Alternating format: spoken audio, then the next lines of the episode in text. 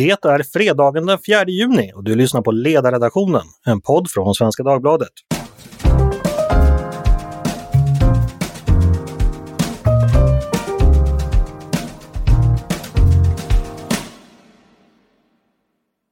De första dagarna i juni har bjudit på en fantastisk inledning på sommaren och det är dags att åter summera en nyhetsvecka i politik-Sverige.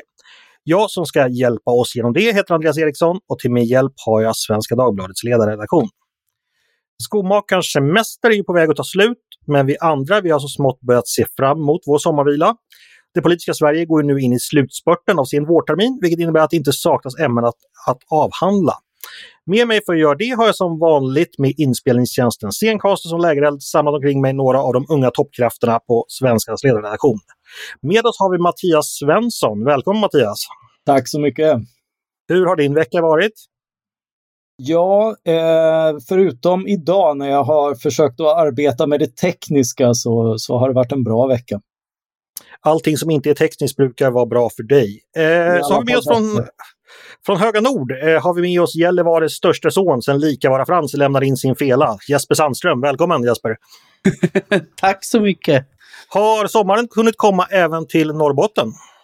Ja, det har den sent om sidor. Nu har snön nästan hunnit smälta bort. Ja, vad skönt. Och slutligen redaktionens biträdande chef Peter Wennblad, välkommen! Du berättade precis innan vi började här att turisterna har börjat eh, återkomma till Visbys gränder. Hur känns det? Ja det, kan, ja, det kan man lugnt säga. Ja, men det är alltid ett kärt återseende faktiskt. Alltså, det är lite av charmen med att bo på Gotland. Att ibland är det öde och ibland är det trångt. Jag tyckte precis innan vi drog igång inspelningen att du beklagade över att det var sånt jävla liv ute på gatorna, men det, så är det alltså inte? Nej, det, det var mer med tanke på på inspelningarna att det inte skulle bli missljud i bakgrunden. Jag beklagar mig. Jag beklagar mig inte. Jag tycker det är trevligt. Härligt. Eh, vi sätter igång direkt och då börjar vi med det senaste, det som hände idag nämligen. Eh, nu på förmiddagen presenterar ju utredare Casimir Åberg den sedan länge emotsedda utredningen om nya regler eh, för hyressättning som ju är en del av eh, januariöverenskommelsen mellan regeringen och Centern och Liberalerna. Bråk har det redan hunnit bli och sidorna i, upp, i den uppblossande konflikten har börjat slipa sina Twitterbilor. Peter, kan du bara berätta för oss, som du som kan det här ämnet bättre än få andra, vad gäller saken och vad var det för förslag som dök upp idag? Egentligen är det inte så komplicerat. Det handlar om hur reglerna för hur hyror ska sättas i hus som ännu inte har byggts, alltså i nyproduktion. Och där förslaget alltså är att det ska vara fri hyressättning, det vill säga att hyresvärden och eh, hyresgästen kommer överens på egen hand utan att blanda in organisationer eller någonting annat. Fri prisbildning.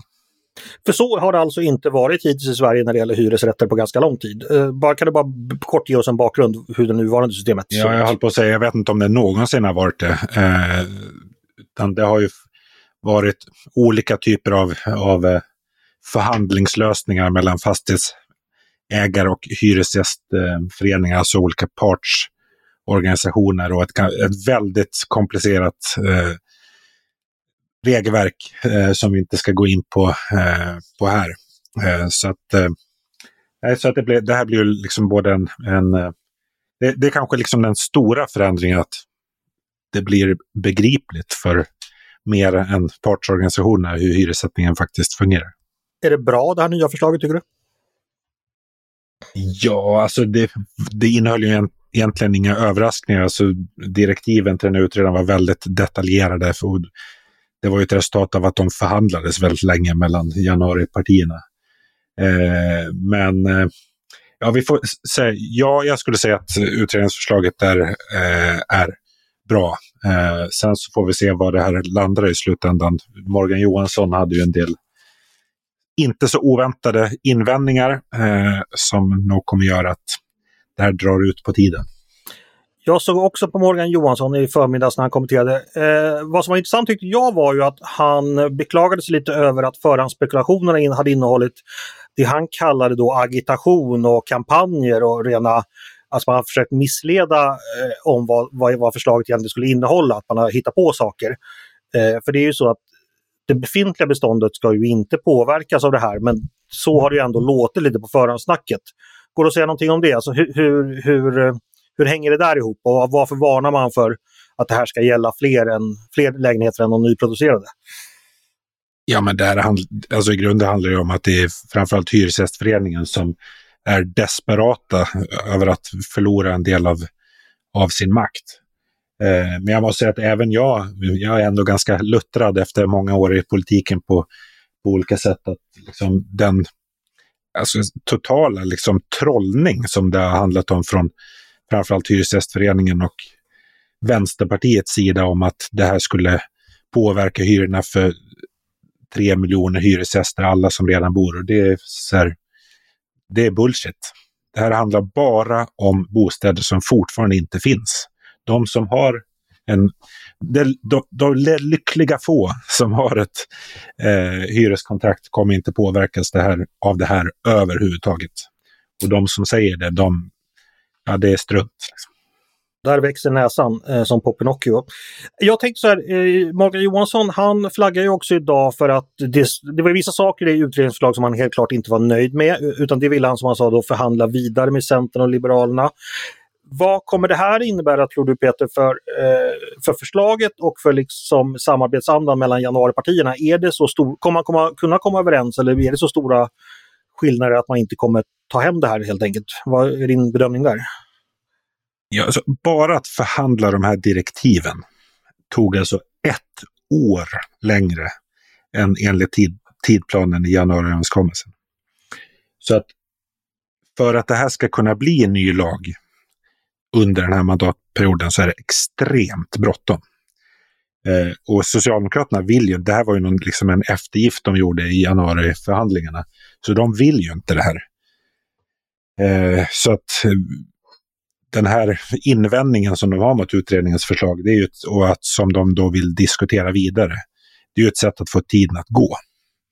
Alltså jag skulle säga att det räcker med att de här förhandlingarna om, som Morgan Johansson aviserade idag tar en månad, två månader så spricker tidplanen. Liksom. För att det här, nu ska liksom, förslaget ut på remiss. Alltså det, är liksom, det är ett antal steg i liksom, lagstiftningsprocessen som fortfarande återstår. Mm. Eh, så att nej, min prognos är att det här blir inte, eh, kommer inte genomföras under den här mandatperioden. Eh, och det återstår ju att se, alltså Centerpartiet verkar vara beredda på att gå med på det mesta. Eh, men med tanke på hur viktig den här frågan var i januariförhandlingarna för Centerpartiet så ska det bli väldigt intressant att se eh, hur de agerar. Om, de, då... om de vågar stå upp. Liksom. Ja, för att den socialdemokratiska positionen den har ju varit känd sedan länge och den är ju djupt rotad inom partiet och det är ideologiskt och så vidare. Eh, och också, alltså där säger, har man ju sagt och tyckt samma sak väldigt länge så ingen kan väl egentligen vara förvånad över att Morgan Johansson, vad han står i den här frågan helt enkelt. Nej, det kan man ju inte vara. Men det är ju så här, om vi ska gå till vad hans invändning handlar om egentligen. I en nybyggd bostad när någon flyttar in, ja då så här, det råder inget tvivel om att hyran ska vara fri när den första hyresgästen flyttar in. Men om en hyresgäst flyttar ut efter tre år och det ska flytta in en annan, ja, då bör ju hyran vara fri igen om man ska kunna prata om fri hyressättning. Men det vill ju då, det tycker då inte Morgan Johansson och Socialdemokraterna. Det vill säga att den här fria hyressättningen ska vara en engångsföreteelse. Eh, och så, jag skulle säga att det här är en helt avgörande fråga. Alltså, om, man in, om den fria hyressättningen ska bli en engångsföreteelse, då är det ju en, liksom, då faller hela reformen. Så att det här är liksom inte någonting som... Det är någon, Centerpartiet och Liberalerna kommer att ha väldigt svårt att kompromissa i den här frågan, utan det är allt eller inget. Liksom.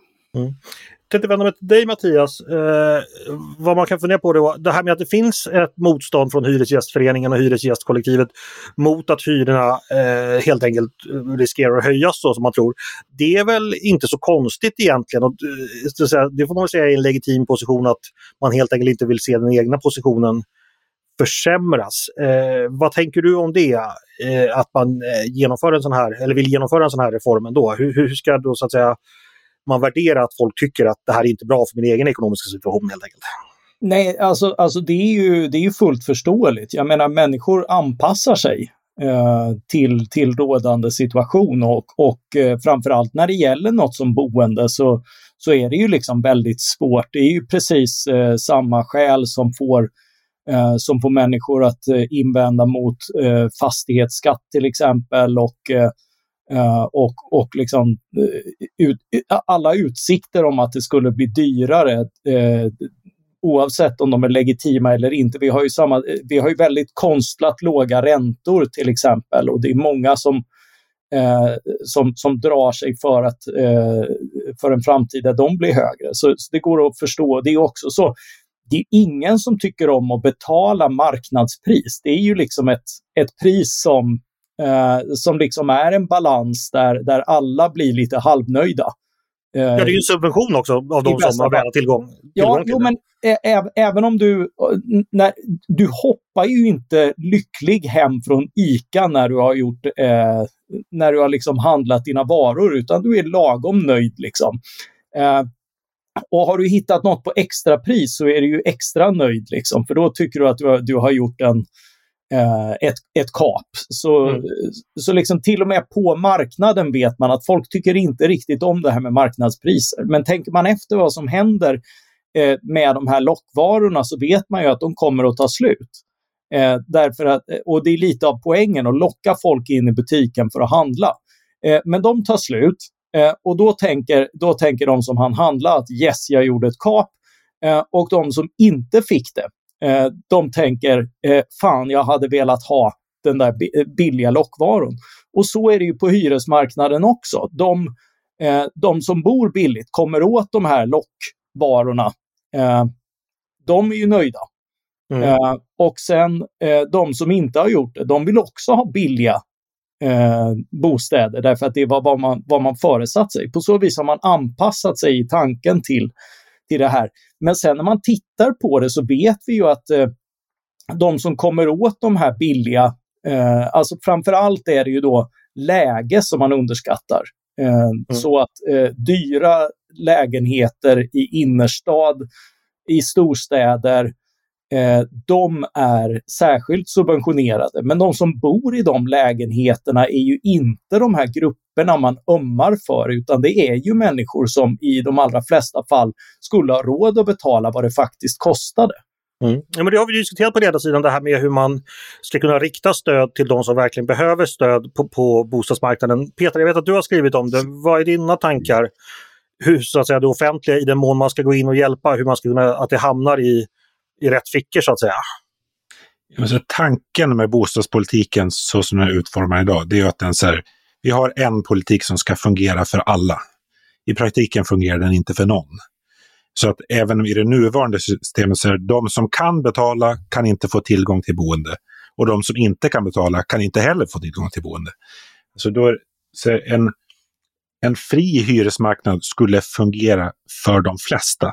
Men på alla hyresmarknader, oavsett hur man utformar hyres, hyressättningen, så finns det människor som faller utanför, som av olika skäl har svårt att betala. Mm. Eh, och då är det bättre att liksom rikta stöd till dem än att smeta ut det till alla. Det jag skrev om i veckan var till exempel det här investeringsstödet som Morgan Johansson står idag och pratar om hur bra det var. Ja, vad ledde det till? Jo, vi har lagt massa miljarder på att bygga lägenheter med subventionerade hyror som har gått, som mestadels har gått till människor som inte har behov av subventionerade hyror.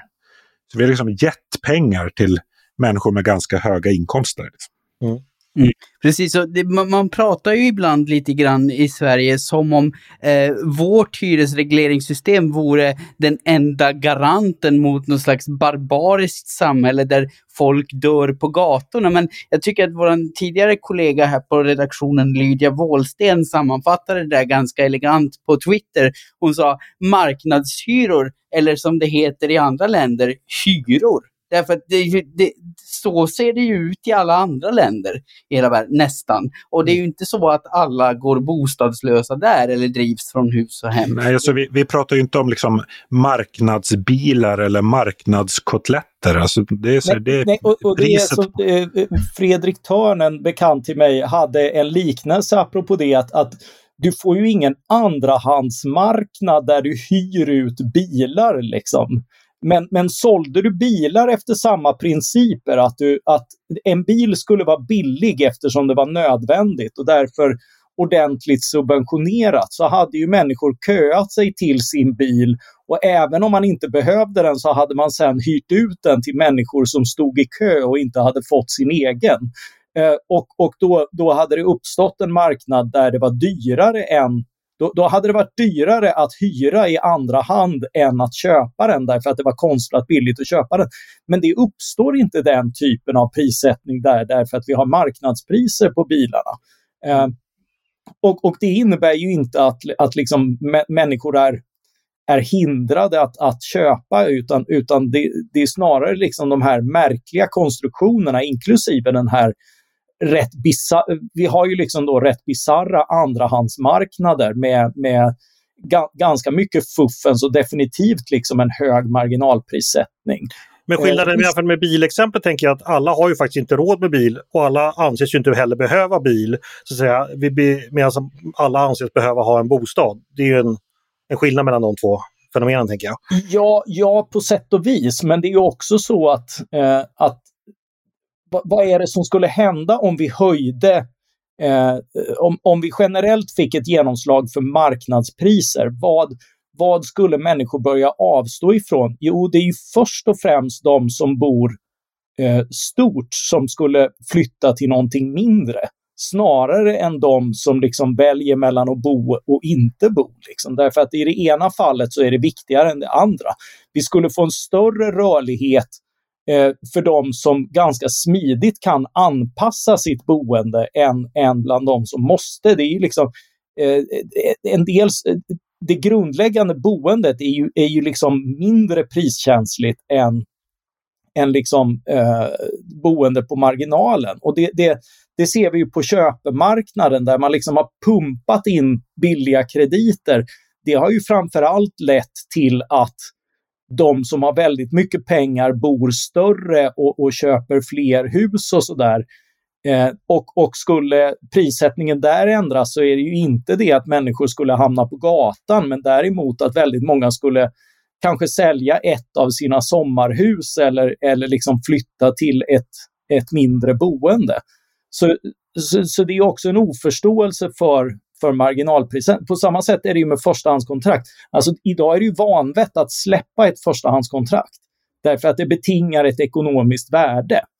Eh, men, men med liksom eh, normala hyror så skulle, skulle du ha den omsättningen eh, automatiskt. Det skulle inte betala sig att hålla på det, så fler hyresrätter skulle komma ut. Och det handlar inte om människor som, som hamna på gatan, utan det handlar om kontrakt som man håller på idag som inte kommer ut på och omsätts.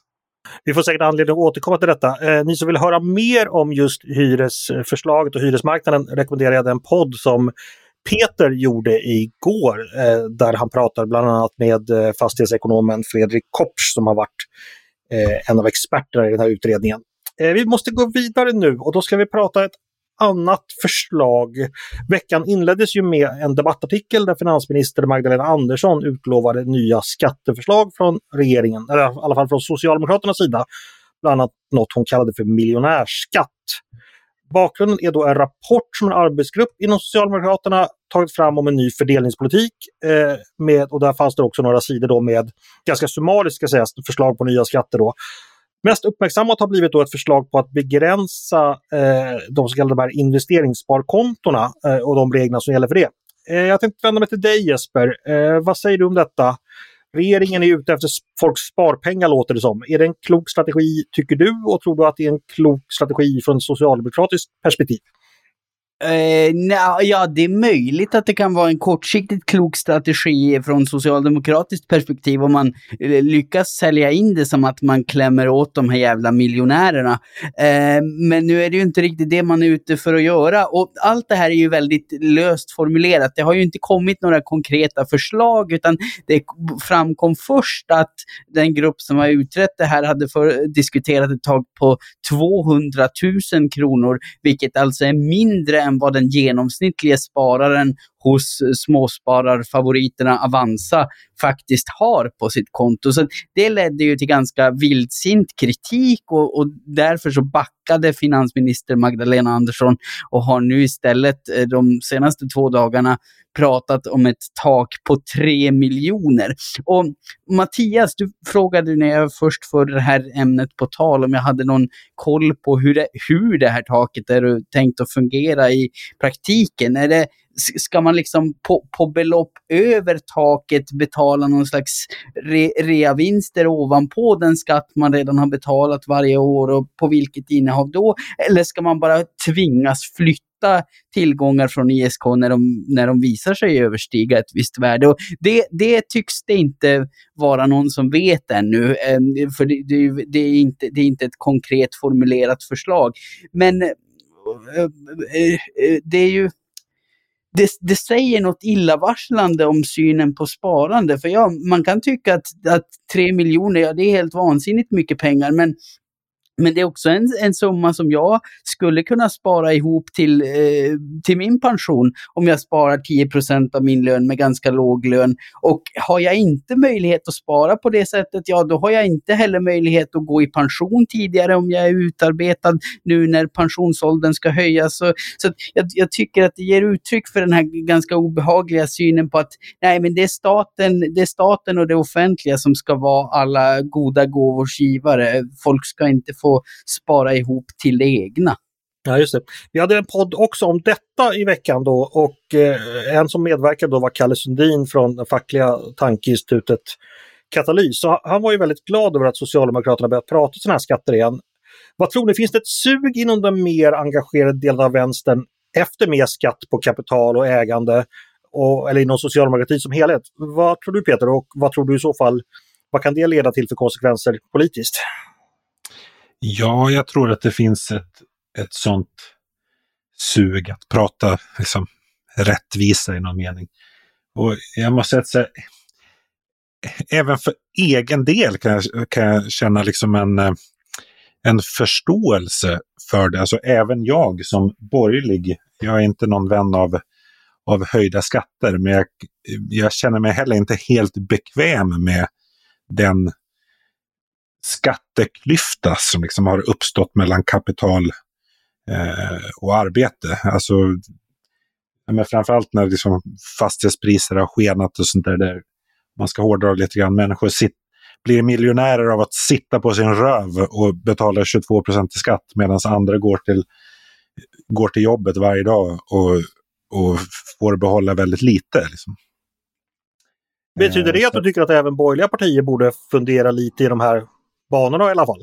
Ja, så jag har liksom inte landat i riktigt hur hur de bör göra sin analys. Men, men jag tycker att, att den här eh, den här skillnaden och det, det, handlar, det handlar också om, det är liksom också en maktfråga.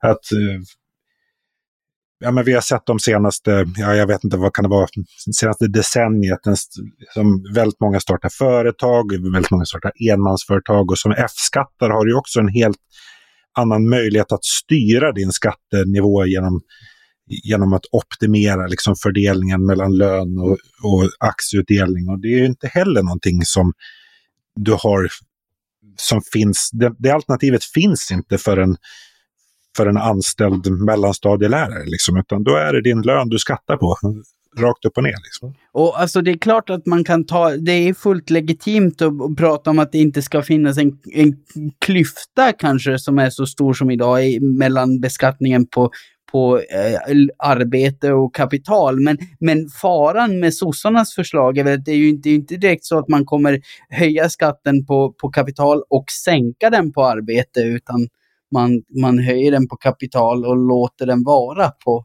arbete. Ja, så är det. Invändningen när det gäller kapitalbeskattningen det är ju det att det är en skattebas som tenderar att slinka mellan fingrarna på politikerna när man griper efter den eftersom kapital ja. till skillnad från arbete och konsumtion flyttar ut ur landet. Eh, hur ska man tänka om det? Nej, men och sen är det ju liksom just i det specifika fallet ISK så är det ju också så att, att de pengar som har stoppats in eh, det är ju, må, många av dem har stoppats in av mellanstadielärare och det är skattade pengar som ligger där. Ja, just det. Eh, så att, eh, i den meningen. Så att det, det kanske är liksom andra typer av klyftan mellan andra typer av kapitalinkomster och liksom arbetsinkomster som jag kan... Ja.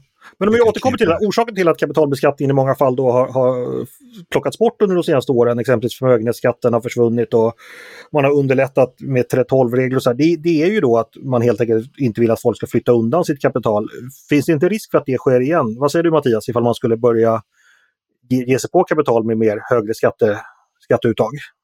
Ja, alltså där, där finns ju det ena, liksom. för, för det mesta, eh, det illustreras ju, den här rapporten eh, i stort är ju liksom en, alltså, fantastiskt bullrande retorisk pjäs som, eh, som, som då liksom eh, till, till, och med innehåller den här gamla nedsippringsmyten att, att eh, liksom högerns och nyliberalismens projekt skulle vara att att pengar ska sippra ner till de fattiga och, och så har det ju inte blivit. Liksom. Det, det, är en helt idiotisk fantasikonstruktion som bara finns till vänster men som aldrig liksom har drivit högern. Och det är ju snarare så, tittar vi liksom i, i Sverige så är det ju snarare så att den här perioden av, av ekonomiska liberaliseringar som drevs av både socialdemokratin och, eh, och borgerligheten då började ju reallönerna för vanligt folk öka igen. Så det är inga pengar som har sipprat ner utan det är ju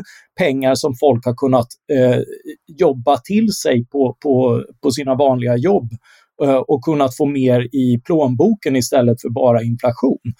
Eh, så, så liksom det här men, men istället då så vill man liksom lova en massa utgifter på precis varenda område och sen så låtsas man att det här kan finansieras med skatter på de rika. Och, och redan det här ISK eh, debaclet visar ju liksom hur, hur förljuget det är. Antingen så blir det såna här små skatter som Eh, Eh, som förmögenhets och arvsskatten blev i praktiken. Man kunde inte ta ut det på de som hade för mycket, man kunde inte ta, man försökte ta ut det på ett mellanting, men det, det fanns många kryphål och sådär och, och de gav aldrig speciellt mycket pengar. Eh, så du får väldigt stora snedvridande effekter, väldigt lite in till statskassan. Eller så får du gå ut så brett att, att det drabbar liksom i princip alla som har som har liksom långsiktigt försökt spara ihop en egen buffert till, till att kunna klara utgifter. Och då slår det ju väldigt brett för, eh, för att ta in pengar och dessutom på ett ganska orättfärdigt sätt eftersom det redan är skattade pengar. Men får jag fråga dig Mattias, det här försiktigt, eh, vad ska man säga, Peters attityd att det ändå är någonting som är värt att fundera över. Delar Absolut. du den synen? Jag, jag håller definitivt med om det därför att eh, du har eh, enormt stigande eh, skillnader. Skillnader är inget problem i sig om de beror på arbete, men här handlar det ju inte om det utan om vem som råkade köpa bostad i rätt läge. Där, där äldre generationer som jag själv nu tillhör har gynnats jämfört med de som eh, de som har i princip samma situation men är 10-20 år yngre än mig har ju liksom eh, förlorat betydligt mycket mer i samma situation eftersom de kom in senare på bostadsmarknaden och priserna har ökat rejält. Och det stora faktorn bakom detta är ju eh, penningpolitiken, att, att vi har haft liksom en hel konjunkturcykel av extremt billiga krediter. Men då, men, och då försöka åtgärda detta problem med att att staten ska försöka beskatta leder liksom till, eller, eller reglera som med, med de här eh, amorteringskraven och sådär. Det leder bara till mer snedvridande effekter men gör inget åt det grundläggande problemet. Att, att, att vi tror att det är hållbart med, med liksom väldigt billiga krediter eh, snarare än att det snedvrider hela ekonomin. Det är alltid trevligt att höra medelålders män ifrågasätta sina egna privilegier. jo, jo, men det här, det här, eh, till skillnad ifrån, det, det, här är verkligen ett sånt som skapar orättvisor mellan generationer, mellan stad och land och annat. Och, och det ser vi ju reella slitningar mellan, men, men sen är penningpolitik för krångligt för att liksom riktigt gräva i. Så, så, så det är lättare att liksom göra det till en kulturkonflikt eller, eller börja Eh, bör, börja vilja eh, beskatta. Men, men det, det kommer tyvärr bara att, att förvärra mycket av problemen. Men vi ska gräva vidare i det. Jag känner faktiskt att vi måste göra en podd om den expansiva penningpolitikens eh, konsekvenser. Eh, just nu ska vi dock gå vidare och prata dagens nästa ämne. Det har ju gått ungefär tio år sedan nu Håkan Juholt gjorde sitt intensiva gästspel som socialdemokratisk statsministerkandidat. Och eh, det har uppmärksammats med en ny dokumentärserie på SVT av Tom Arland och sociala medier har varit fullspäckade med alla ljuva Juholtsminnen och kontrafaktiska spekulationer kring ett svenskt tiotal under Juholts ledning. Mattias, hur minns vi Juholt idag? Eh, ja, jag är kanske inte rätt mannen att föreslå, men jag tycker ändå att stämningen kräver att, att man tar varje tillfälle att ta upp eh, Håkan Juholt. Eh, eh jag, jag, har, jag har inte sett eh, dokumentären, men jag lyssnade på vår, eh, vad ska man säga, grannpodd, kusinpodd Politiken från, från SVDs politikredaktion, där de tog upp minnen av Juholt och själv kommer jag ju inte undan den här fantastiska idén om en förlåt mig-turné. Mm, eh, det. det. var ju alltså, han, han hade ju eh, dragit av åt sin kulbo eh, för eh, hela hyran när han bara hade rätt att dra av halva eller hur det var. Det, eh, och eh, vilket då påpekades och sen kom någon på att han skulle åka land och rike runt från Kiruna till Ystad med liksom enormt många nedslag eh, på vägen. Liksom. Nu har han varit på det sjuttonde stället i Norrköping och sådär liksom, eh, och, och be om ursäkt för, för denna förseelse. Han tog ursäktade till en helt ny nivå kan ja, man nästan ja, säga. Alltså det, och och den, den som kom på det här är ju antingen ett sadistiskt ont geni eller en desperat klåpare. Och, och, socialdemokratin har ju enormt mycket av båda de kompetenserna, så man vet ju faktiskt inte, inte riktigt med tanke på hur många fiender han hade i partiet som ju liksom krypsköt eh, utan eh, utan någon, någon som helst genans så, så vet man ju inte. Vem, vem kom på det här? Det är så otroligt fascinerande. Och sen när jag tittade tillbaka så hittade jag i Expressen att han hann ju inte ens avsluta den här turnén förrän han ångrade att han bett om ursäkt och bad om ursäkt för det. Jesper, eh, har du några fina Juholt-minnen att dela med dig av? Jag tänkte på det eh, när jag satt och lyssnade på Jonas Sjöstedts första maj-tal här om året. Sista året vi hade riktiga sådana, 2019 måste det ha varit. Att det, det hade ju ändå varit roligare att ha Juholt med pingvinmetaforerna och, och hans YOLO-hoodie som han gärna ofta på. You only live once är det alltså en förkortning för det har han, den har han gärna på sig i många sammanhang. Det, det, är, ju, det är ju svårt att inte sakna den, den färgstyrka han upp, uppvisar eh, vid sidan av exempelvis eh, Stefan Löfven. Mm. Alltså Juholt väckte ju ändå en slags eh, hopp och entusiasm hos delar av vänster.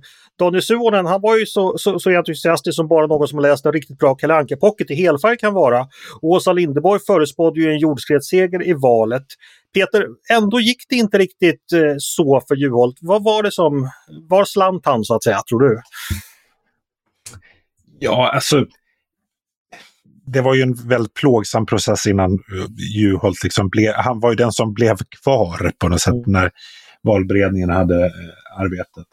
Men jag tror, för jag har ju sett den här dokumentären och jag, jag fick lite samma känsla som, som när jag läste Anna Kinberg Batras bok om sin partiledarperiod. Att båda de hade överens om att ingen av dem ville nog riktigt. Alltså Juholt, det var ju hans spontana, jag tror mycket på magkänslan. Och, och, och eh, Juholts spontana svar när han första gången fick frågan om vad partiledare var nej, jag är fel person för det.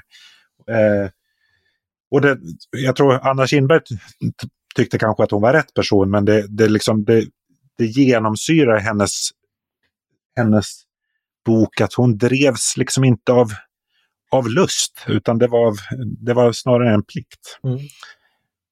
Men kan man tänka sig rent kontrafaktiskt eh, eh, en Juholt som verkligen går in med det här med att rensa, drain the swamp och rensa upp klägget i Stockholm och göra rent hus med väljarkåren och för socialdemokratin tillbaks till 45 procent. var det en helt omöjlig tanke, tror ni? Det, det, det fanns aldrig i korten. Vad säger du Mattias?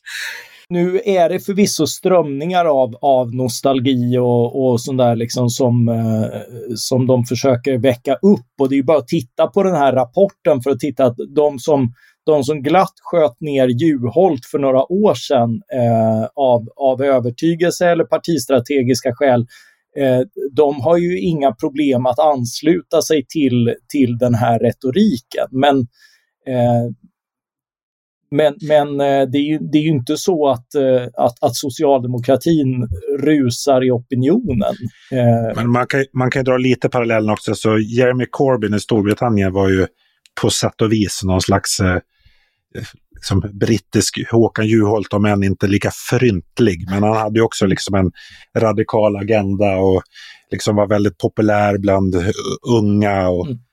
Men det gick ju åt helvete i alla fall. Så det, det är väldigt svårt att vinna val på en radikal socialdemokratisk agenda. Mm, så har det visat ja, alltså det, det, det är ju någonting som verkligen livar upp gräsrötterna och man ska ju inte underskatta kraften i, i att mobilisera de som finns och, och få, eh, få liksom eh, få det att kittla och det gjorde det ju verkligen. Eh, Juholt är ju en, en Folkets hustalare som säger precis vad, vad de gamla ben och unga ben också för den delen som, som tar sig dit vill höra. Så, så det kittlar ju många nerver bland, eh, bland de närmast troende men, men att, att nå över 50 procent blir ju, eh, blir ju svårare. Ja, och, på, och på så sätt så var han ju ett, någon slags produkt av eh, det moderna partilivet. Alltså i takt med att partierna krymper, får allt färre medlemmar, så blir ju de medlemmar som finns kvar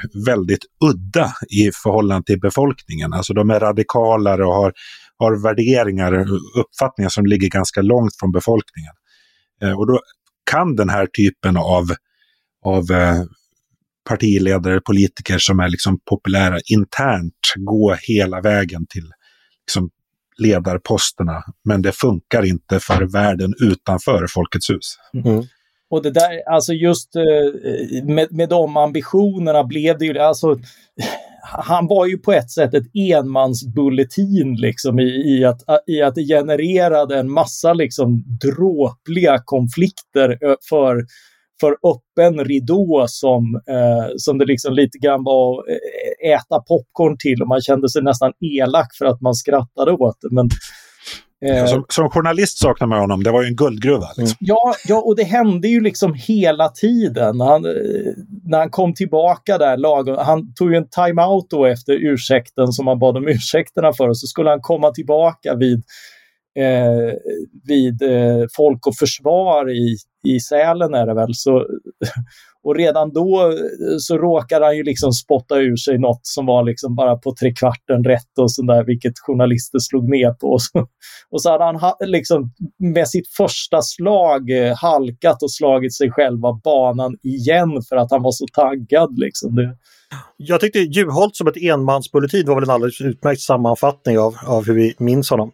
Vad bra, jag tror vi måste avsluta nu, eller avrunda lite för att vår tid är ute. Eh, tänkte bara till sist, eh, vi brukar alltid ha en liten rundfråga till redaktionen. Eh, och nu tänkte jag så här att på söndag är det ju som bekant nationaldagen. Den firas ju traditionsenligt i Sverige med att tvs morgonprogram eller liknande lämnar ordet till någon flygande reporter som är ute bland sura svenska firare som förklarar att inte är det som i Norge inte, varför man raskt återgår till studion där man diskuterar eh, varför Sverige inte kan fira nationaldagen ordentligt. Så då tänkte jag, frågan är, har ni något förslag på hur, eller hur ska ni själva uppmärksamma söndagen om ni ska göra det? Jesper, har, har du något förslag på vad man kan göra som svensk? Ja, alltså som svensk i största allmänhet eh, vet jag inte. Jag, jag har ju inte varit sådär jättenationalistiskt lagd någon gång i mitt liv, men jag tänkte ändå nu, jag brukar ju alltid avrunda på fredagarna här med att säga att jag ska spela trummor. Och det ska jag göra nu genom att hylla något av det svenskaste vi har, nämligen Janne Loffe Karlsson. Och mm. då kanske mm. folk blir lite förvirrade, för att han, han är ju känd primärt då som skådespelare i gamla klassiker som Repmånad och på Göta kanal. Och, eh, men han är också, eller var också, en av Sveriges bästa proggrock-trummisar i duon Hansson och Karlsson. Eh, de spelade med Jimi Hendrix bland annat, så det var Bo Hansson som var organist och så var det då Janne Loffe på trummor. Och jag tänkte passande nog då lära mig att spela låten Tax Free med tanke på vad jag har pratat om här. Det, det, du ska trumma i nationaldagen helt enkelt. Eh, ja, med, med drömmar om lägre skatter. Ja, just det. Mattias, du är ju en känd eh, patriot och, och svensk eh, eh brandtalare. hur, hur, ska, hur ska du fira söndagen? Ja, det blir väl en vanlig söndag. Jag får ju inte säga något om korvfest eh, för eh, eh, redigeringen. Men, men något grillat på, på grillen eh, är, är väl en, ett utmärkt sätt att, att fira en svensk helg.